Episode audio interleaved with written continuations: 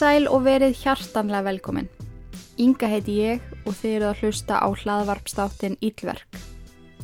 Ég vona innilega að þið séu búin að hafa gott á þessum skrítnu tímum og þið séu að nýta tíman í eitthvað uppbyggilegt.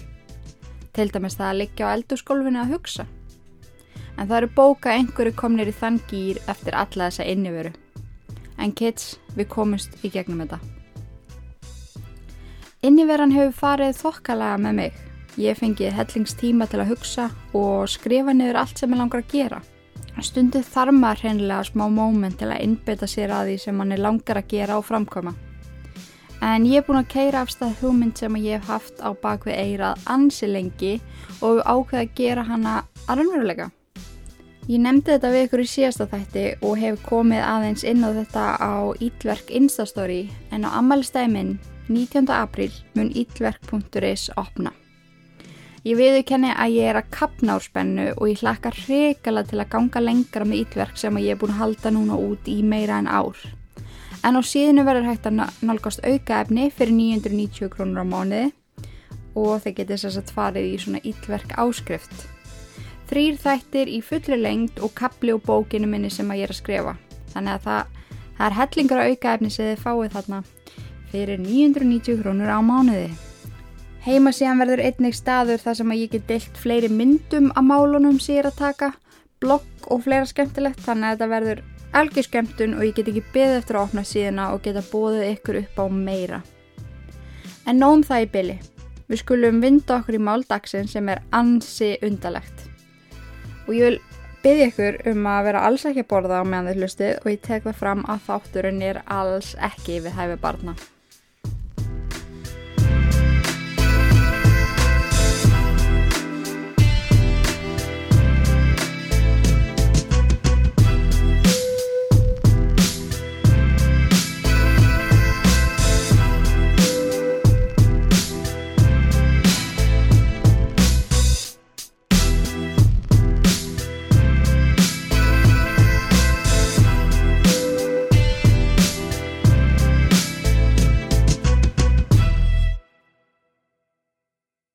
Það eru til margir undalegir einstaklingar í heiminum sem fíla mismunandi hluti. Það eru til einstaklingar sem að elska að klæða sig upp sem unga börn og fá maka sinn til að skipta á sér. Aðrir giftast bílónu sínum, kottani sínum eða jafnvel FL-turnunum. Það er alls konar til og ég kemst yfir ansi margar sögur þegar ég er að leita upplýsinga um málinn sem ég tekja þann fyrir. Með því skrítnasta sem að ég hef lesið um eru einstaklingar sem dreyma um það að borða aðra mannesku. Og það er enþá skrítnara að lesa um einstaklinga sem dreyma um að láta borða sig. En hvað ef við setjum saman tvo einstaklinga í eitt mál? Eitt þeirra þráir að borða aðra mannesku og hinn manneskjan þráir að láta borða sig. Má það? Ef við actually pælum í því mætti ég fá eitthvað til að geta mig. En við skulum fara yfir þetta undala málefni í þætti dagsins. Ég ætla að segja ykkur sannasögu af tveim ósköp vennilegum mönnum í Þískalandi sem mættust á miðri leið og letu drauma hvors annars rætast.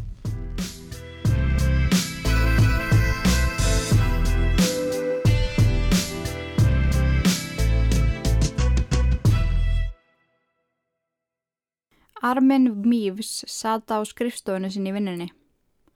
Hann var að gera við tölvu sem að hafi komið inn á bort til hans fyrir um daginn. Hann hafi verið í tölvu viðgerðabransanum í langan tíma og nöyt starfsins. Hann fekk að vera einn í friði og hlusta góð tónlist og einbeta sér á vinnunni. Hann hafi búið alla æfi í Þýskalandi, fættur 1. desember 1961 og var í rauninni þessi óskup vennilegi maður. Leta ekki mikið fyrir sér fara, átti sína eigin íbúð og horfið á sjóorpu á kvöldin. Hann var ekki mikið í því að deyta eða umgangast vini og vandamenn. Hún fannst langt best að vera einn. Hann þóldi ekki þegar fólk skipti sér af og komið einhver ömuleg ráð svo að næði lengra í lífinu. Hann var bara drullu sáttur. Fínar tekjur í vinnunni og það gefur höfuðið. Fleira þurftan ekki. Þótt að hann liti út fyrir að vera ósköp vennilegur út á við, var margt í fari arminn sem öðrum þætti skrítið. Og það var kannski þess vegna sem hann kaus að loka sig af. Kinnferðislegar þrárans voru eitthvað sem hann gæti ekki svalað á næsta bar þar sem hann reynda að ná sér í one night stand.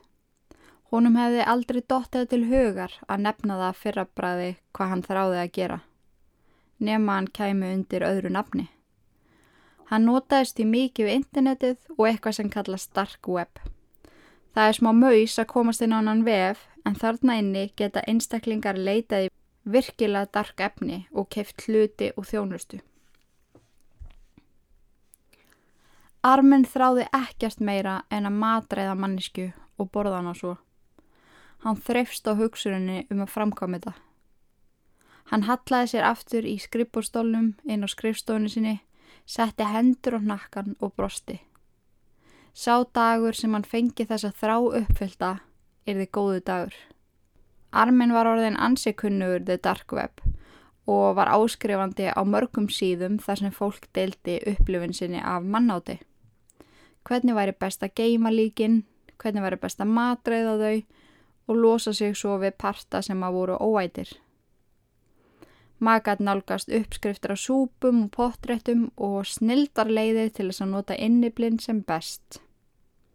Fólk notaði líka þennan vettvang til að auglýsa eftir einstaklingu til þess að borða. Ef fólk vildi losa sig við börnin sín eða einstaklinga sem voru nær dauða en lífi. Hlutirnir sem fóru þarna fram voru hreitt og tær viðbjóður. En nærðu samt sveimandi huga arminn sem let sér það döga að dagdreima og dásta fólkinu sem lendi skara skriða. Það var ekki fyrir hann sá auðlýsingur á fólki sem óska eftir því að einhver myndi geta það. Þar sem hann fann kjarkin koma til sín. Það væri í alvörunni til fólk sem vildi láta geta sig og þá væri hann í rauninni ekki að gera neitt ránt heldur bara að uppfylla drauma að tvekja einstaklinga. Hann ákvað því að sendina auðlýsingu inn á síðuna The Cannibal Crick sem er síða fyrir þá sem eru með mannáts fettis. En hann skrifaði þar að hann var að leita velvöksnum myndalegu manni á aldrunum 18-30 ára sem væri tilbúin til að láta slátra sér og síðan matriða sig. Það höfðu um 11 manneskjur haft samband og sínt áhuga á þessu frábæra tilbúði. En þegar það var komin alvara í málið, bakkaði fólk út. Það var svo hann Bernd Jürgen Armando Brandes, verkfræðingu frá Berlín, sem að svaraði auðlýsingunni. Hann sagðist hafa dreymt um þetta og örlegin veru nú að draga á saman. Þeir ákóðu dagsefningu en þeir ætlaði að hittast heima hjá Armin þann 9. mars 2001. Armen bjó í Wustfield sem er vestafinn Rottenburg í, í Þískalandi. Þeir höfðu ákveða að taka allt upp á vídeo svo Armin geti lifa sem lengst á þessara minningu. Það sem að ég er að fara að segja næst er virkilega ógæðslegt, þannig alverðinni ef þú ert viðkvæmur eða viðkvæm og ert að borða, slöktu please. Ég vil ekki eiga að söka á martránu í nótt ángríns. en Armin bauð nýja elskuðanu sínum innfyrir, þar sem að hann var búin að tendra kertaljós, opna gott vín og stemmingin hefur væga sagt verið romantísk. Það var búið að leggja á borð fyrir tvo og það næsta sem þeir ætlaði að gera átti að vera í sammenningu.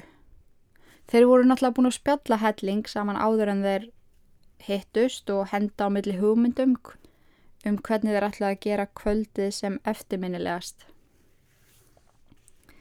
Þeir hófust í handa við að skera lim Armando af. Þeir ætlaði að borða hann saman. Það gekk hálf brösulega svo Armando skipaði armin að býta limin af sem gekk líka mjög illa.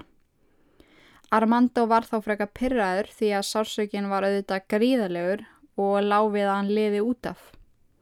Hann bað því elskuða sinn plís um að drífa sig. Svo armin náði í beittan nýf og skar limin af. Þeir reyndu næst að borða afskorinn limin hráan en það var nær ómögulegt þar sem að hann var alltaf segur.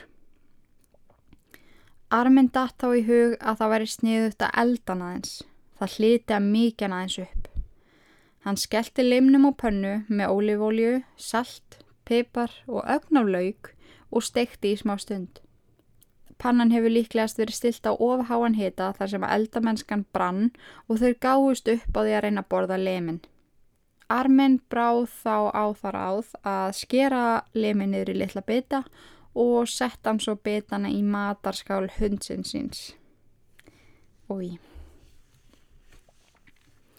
Og ég vil líka taka fram að þetta er allt til á upptöku sem hefur auðvitað ekki verið gert ofinbert fyrir almenning.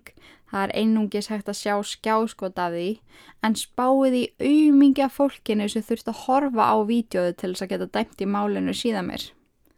Þeir einstaklingar eru líklega skemmtir að eilifu. En á þessum tífabúndi var Armando búin að missa mikið blóð og voru hann ansið þreyttur og þreglítill. Svo Armin let renna í baðferðan. Hann kveikti á kertum og las fyrir hann upp úr Star Trek bók. Armando datt inn og út um meðvitund, þanga til hann hætti allt í hún að emja og hreyfa sig. Armin lagði þá fór á sér bókina, fór nýr á hnén og bað fyrir degjandi elskuða sínum. En við skulum heyra hvað Armin gerir næst eftir nokkur orð frá styrstaraðila þáttarins.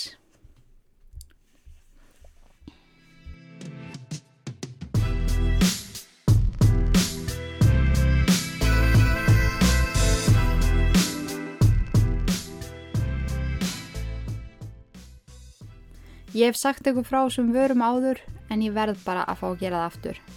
Ég er sjúk í snirtiförunar frá merkinu Becca en þær vörur fást hjá versluninni Darju.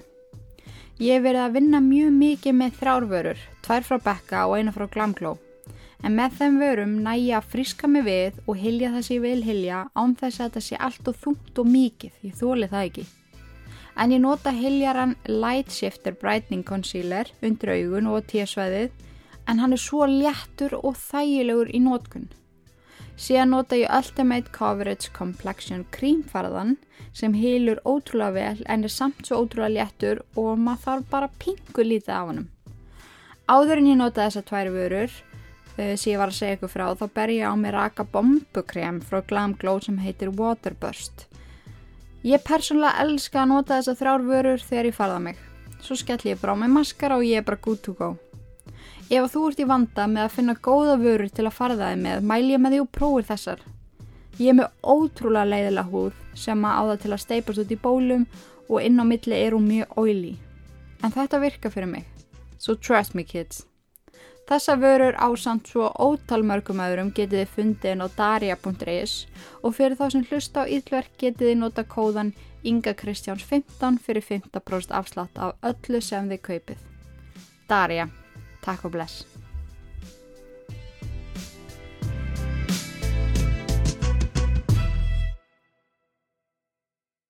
Finnst ykkur ekki alveg indislegt að tala um förðunavörur inn í miðjum mannætu þætti? Það er eitthvað svo fallett við að hvernig ég blanda þessu saman. en áhugum minn á snirti og harfurum balansar allavega út hann hrotta sér að lesa mig til um. So we'll keep it this way. en já. Þegar við fórum í hljöfur og var að tala um þegar að arminn bað fyrir elskoða sínum sem að lá aflimaður í baði að blæða út.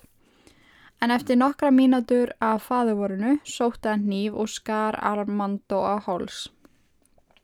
Hann let svo vatni renna úr baðinu, þurkaði líkið og bar það inn í eldús þar sem hann hengdi líkið upp í loft á fótunum.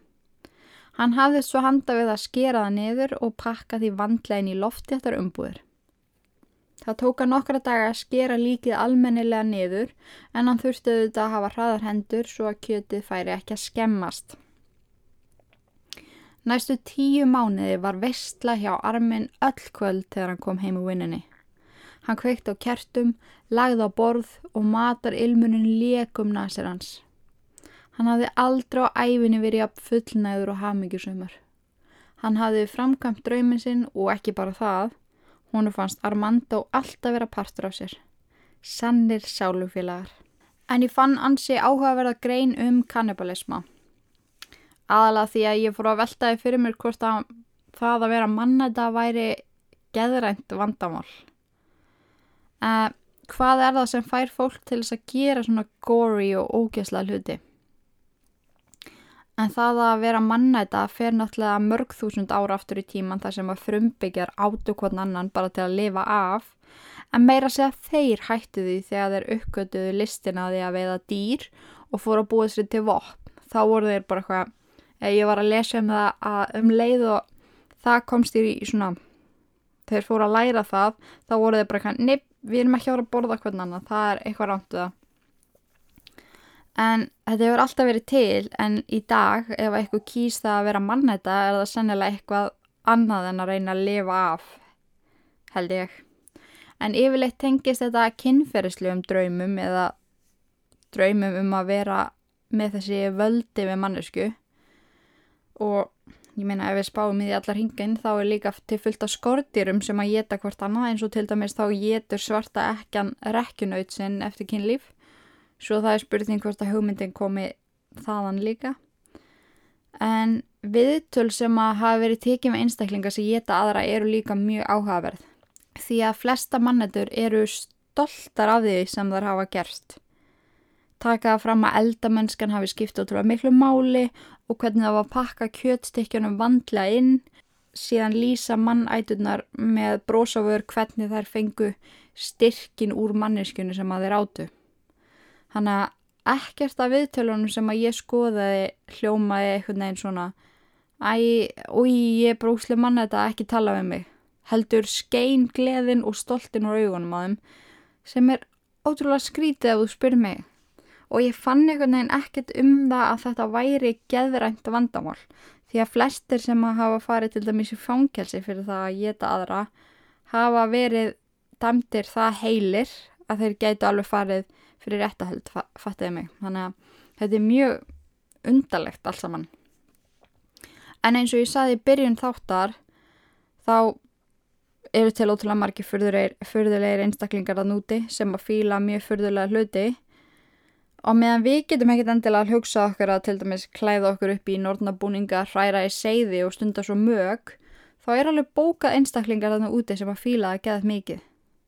Alveg eins og það að ég við að guppa upp í mig eftir þessa sögu hvernig einhver getur skorið mannisku í búta á eldan og svo og fengið út úr því kynferðslan kikk en það eru líklega fleiri en við höldum hann á úti sem að stunda þetta en á sama tíma og mér finnst þetta ógeðslegt þá er þetta eitt af því sem ég elska við að búa til þess að þætti maður skoða mál og sögu fólk sem að maður hefði aldrei hugsað sér að skoða áður Það er til svo mikið af skrítnu liðið að núti að það er alveg magnað.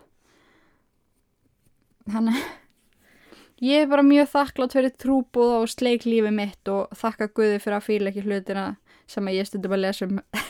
það var mikið info. Það var mikið info. En ég meina, við erum allir vinir hérna. En svo við snúum okkur aftur á arminn, þá lifði hann á elskoða sínum í tíu mánuði og var allsæll með þetta allt saman. En þegar það fór svo að minka magnið í fristinum fór hann að kvíða þeirri stund þegar allt er eðlilegt aftur.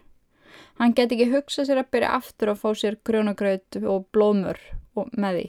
Hún hrilti við því. Svo hugmynd laumaðist upp á hann að kannski geti hann gert þetta aftur. Reynd aftur að setja nöglisingu inn á síðuna.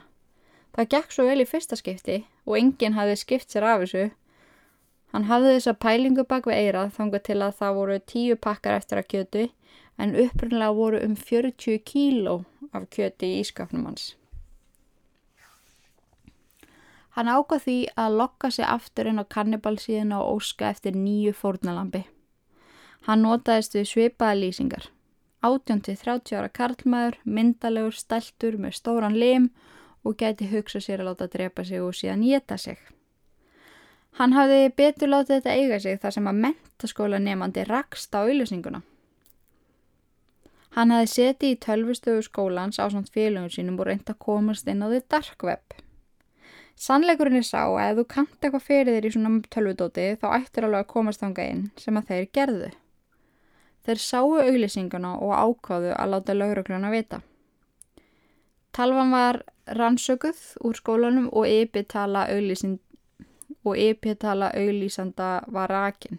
beinustu leið á heimili arminn. Þar sem laurugla fann restina af kjötpökkunum í fristinum og ekki má gleima vídeospálinni sem síndi nákvæmlega allt sem fór fram kvöldið 9. mars 2001. Hann áttaði sjálf á því að það sem hann gerði var ránt en benti samt sem áður á það að hann hafi fengið leifi frá Armando til að gera þetta. Þeir getur séða mjög augljóslega á spólunni að þetta var allt gert í sammenningu. Á þessum tíma voru hreinlega ekki tilneint sérstök lög fyrir þetta. Mannæta sem að fekk samþyggi. Þetta þekktist hreinlega ekki, svo hann var dæmdu fyrir manslaughter. En munurinn á homicide og manslaughter, og ég verða að finna betri íslensk orð fyrir þetta. Ég var að researcha þetta frekar sent í gerkvöldi og ég skrifa þetta bara einsku. En það er sérst munur á það milli. Og manslaughter er dæmt meira eins og óhapp uh, kæruleysi og er aðeins mildara en að drepa eitthvað vísu vitandi sem er sérst homosite þannig að ef að þú til dæmis að keira fullur og keirir á eitthvað manneskjan deyr þá ertu mjög líklega dæmdur fyrir um, manslaughter. Þannig að það er munur á milli. Og Þau dæmdu hann svona í málinu og 30. janúar 2004 var hann dæmdur í 8 ára fangelsi sem er ekki neitt og þetta vakti ótrúlega mikinn óhug landsmanna og fekk málinn mjög mikla aðtegli fjölmela. Í miðju fjæðarafókinu fór Armin í viðtal hjá Þísku dagblæði þar sem hann talaði um hvað hann sá mikið eftir þessu. Hann hafi ákveðið að skrifa bókum upplifi sína til þess að vera vítið til varnar fyrir aðra einstaklinga sem vildu feta í fótspór hans. Hann sagði að það væri mikið af fólki að núti að leita að fórnalömpum en á sama tíma líka mjög mikið af fólki sem vildi láta borða sig og það yrði að vera vitundavakning vegna þess. Einstaklingarnir þyrst að fá sálfræðilega aðstóð. Frá með þessu viðtali var arminn græmitisæta. Mér sem ég fyndi að taka það fram. Í april 2005 var ákveða endurdæma í máli arminn þar sem að augum margra hafðu opnast eftir þetta gríðala fjadrafók sem að varð út frá þessu skrítna 8 ára dóm. Fólk vildi hann væri dæmdur fyrir morð þar sem að Armando var meðvindindalöst þegar arminn skar hann á háls og það sést vel í þessu langa vídeo sem hann tóku upp. Það sé fárlegt að í fyrri réttahöldum hafi þessa staðrindi verið hunsar Þetta hefði verið vísvitandi og arminn vissi nákvæmlega hvað hann var að gera. Það vakti líka upp mikla áhugjur að ef hann erði látin laus eftir 8 ár þá myndi hann halda áfram á sömu braut. Þetta væri bara ekki nægilega góð refsing fyrir hann. Líka því að hann hafi treyst sálfræðingum sínum fyrir því að hann leti sér ennþá dreyma um ljúft bræðið af mannakjöti, orður rétt. En 10. mæ 2006 fekk Armin dóminn sem að hann átti skilið af allra mati fangilistóm til lífstíðar ánmöguleika á því að vera látin laus. Hann hjálpaði og áfram að hann hjálpaði og áfram að vera grammetisæta. Það skipti mjög miklu máli í þessari sögu. En síðan þá hafa verið gerða mjög marga kvikmyndir og framhaldsættir og tónlist byggt á þessum atbyrðum eins og til dæmis kvikmyndin Cannibal og lag sem á þýska þungarokksveitin Ramstein gaf út sem heitir Main Tail Main Tail já. Þannig að, nei sko, ég, ég hefði gett að skrifa þrjár blaðsýður af kvikmyndum, þáttum um, leiksýningum og tónlist sem að hafa verið gerðar með þessa sögu um, sem innblástur. En það er alveg fáralega mikið. Og líka bara fyllt af nýjum og líka bara fullt af nýju efni sem að, að leitað í þennan söguþráð sem er alveg magna og ég er að segja ykkur að þetta er ekki síðasta mannættumáli sem að ég mun segja ykkur frá. Það eru svo ótrúlega margar aðra sögur sem að þið hafi til dæmis bent mér á sem að ég mun 100% taka fyrir. En við þurfum bara að hafa nokkra þætti inn á milli svo að þið getið jafnað ykkur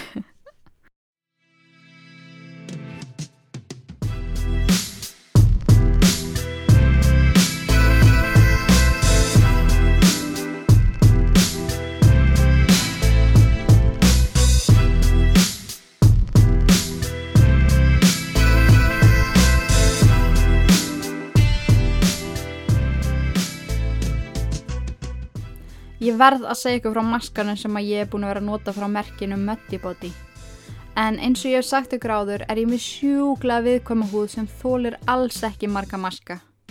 Muttibody maskarnir eru með fáum og hreinum innihaldsefnum sem að næra og stinna húðina. En ég hef verið að nota maskan Relax sem gefur húðinu minni þetta frísklega yfirbræð. Það sem meðist líka frábært er að hann kemur í duftformi svo þú hellir ögna vatni úti og hrærir sem segir okkur það hversu hrein varan er því oft eru vörur í tópum uppfullar af efnum sem við þekkjum ekki. Ég gæti allavega ekki mælt meira með möttibóti í möskunum. Líka bara snild að gjöf að gefa maska, lítinn maskabusta og möttibóti hárbandi stíl. Þú ert basically að gefa degur stund sem er fullkomið á þessum skriktnu tímum. En þið finnið úrvalið inn á darja.is og getið nota kóðan Inga Kristjáns 15 fyrir 15% afslátt af því sem að þið vestlið. Degur stund með Darju. Jesus Christ, það er dásanlegt. Hvað eru mörg D í því? Hvað er að? Já, þannig að þetta var hið undarlega mál armin. Um, já, eins og ég segi, þetta er ekki síðasta mannendumáli sem ég mun taka og, og hérna, þeir voru búin að benda mér svo ofta á þetta mála, ég varða að researcha og taka það fyrir núna. Eh, þetta er ekki mál sem að maður getur fjalla um í, þú veist, einn og halvan tíma, það er bara ekki til það mikið af upplýsingum um þetta, þetta er mjög bara svona straight to the point saga, þannig að ég reyndi að grafa einn stjúpt fyrir ykkur og ég gat, þannig að ég vona að þið hafi haft gaman að því. En áður við slúttum þessu þá langar mig aðeins að ræða við ykkur þannig að setjast niður og hlustið eins og þið séð ekki að hlusta. En það er svo ótrúlega mikið af fjölskyldum hana úti sem eru að ströggla svo hart núna. Þú veist, ég veit að þau ströggla kannski meira yfir árið en þú veist, þetta er einhvern veginn að opna augumann svo mikið núna þetta ástand og ég til dæmis var að hlusta á viðtala um daginn þar sem að við verðum að tala um uh, eitthvað sem að ég hafði til dæmis ekki átta með á var fjölskyldur uh, þar sem að inn á heimilinu er ofbeldi. Og hérna segjum bara konan og barnið sem að verður fyrir ofbeldi fengu að komast út á vinnumarkaðin og í skólan til að forðast aðstæðunar en eru kannski núna heima í sokvi, þú veist, það er ekki skóli og það er kannski lókuvinnan og þurfa að vera inn á heimilinu. Þú veist, mér finnst þetta bara svo horrible að hugsa til þess og líka bara börnin sem að kannski borða ekkert nema bara í skólanum og núna komast þau ekki í skólan þannig að hug, hugurinn minn er búin að vera bara á fullu að spá í þessu og veist, þetta er svo hræðilegt og já, þetta er bara að opna augumann svo mikið og gert manni grein fyrir því hvað maður hefur það ótrúlega gott og mér langaði bara að hveti ykkur til þess að líti kringum ykkur og skoða hvað þið getið lagt að mörgum. Þú veist, er fjölskylda í neyð sem að þið þekkið? Er, þú veist, uppbólsverslunum ykkar að stefna í þrótt? Eða eigið ömmu og elli heimili bara alls konar svona hlutir, þú veist, sem að þið getið hjálpa með. Þú veist, droppa matapoka á stegaganginu fjölskyldunni í neyð kaupa gafakort í uppáhaldsbúðin ykkar sem er á barmið þróttsmist það er til dæmis mjög húst sniðugt ef að þið heyrið af húst ykkur vestlun sem að vinur ykkar á eða eitthvað þannig að kaupa gafakort í búðinni húst og þannig fær búðin inn pening og þú getur notað að setna eða eitthvað húst, whatever. Bara ef að ykkur hefur tökaði að hjálpa öðrum húst að gera það þá.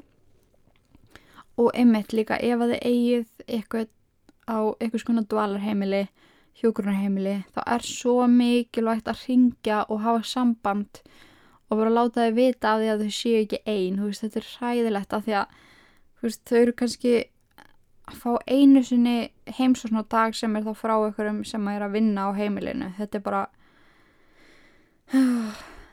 já, en það er bara svo mikilvægt að við stöndum saman og hugsaum aðeins út fyrir kassan þótt að séu þetta mikilvægast að passa upp á sjálfa sig. Þú veist alveg eins og við sagt í flugvilum þá setur maður öndurangrímina á sjálfa sig aður og þú setur hana á næsta mann. En að ég veit ekki, það er líka bara svo mikilvægt þú veist að því ég fann það núna þegar ég er búin að vera svona mikið heima.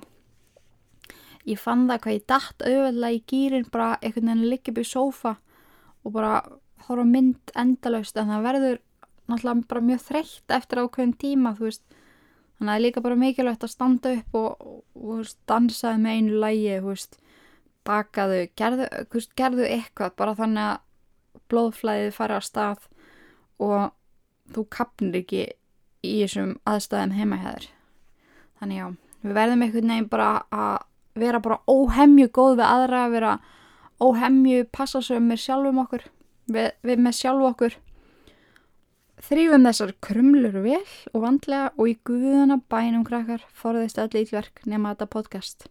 Takk fyrir að hlusta, takk fyrir að vera til, verið sæl.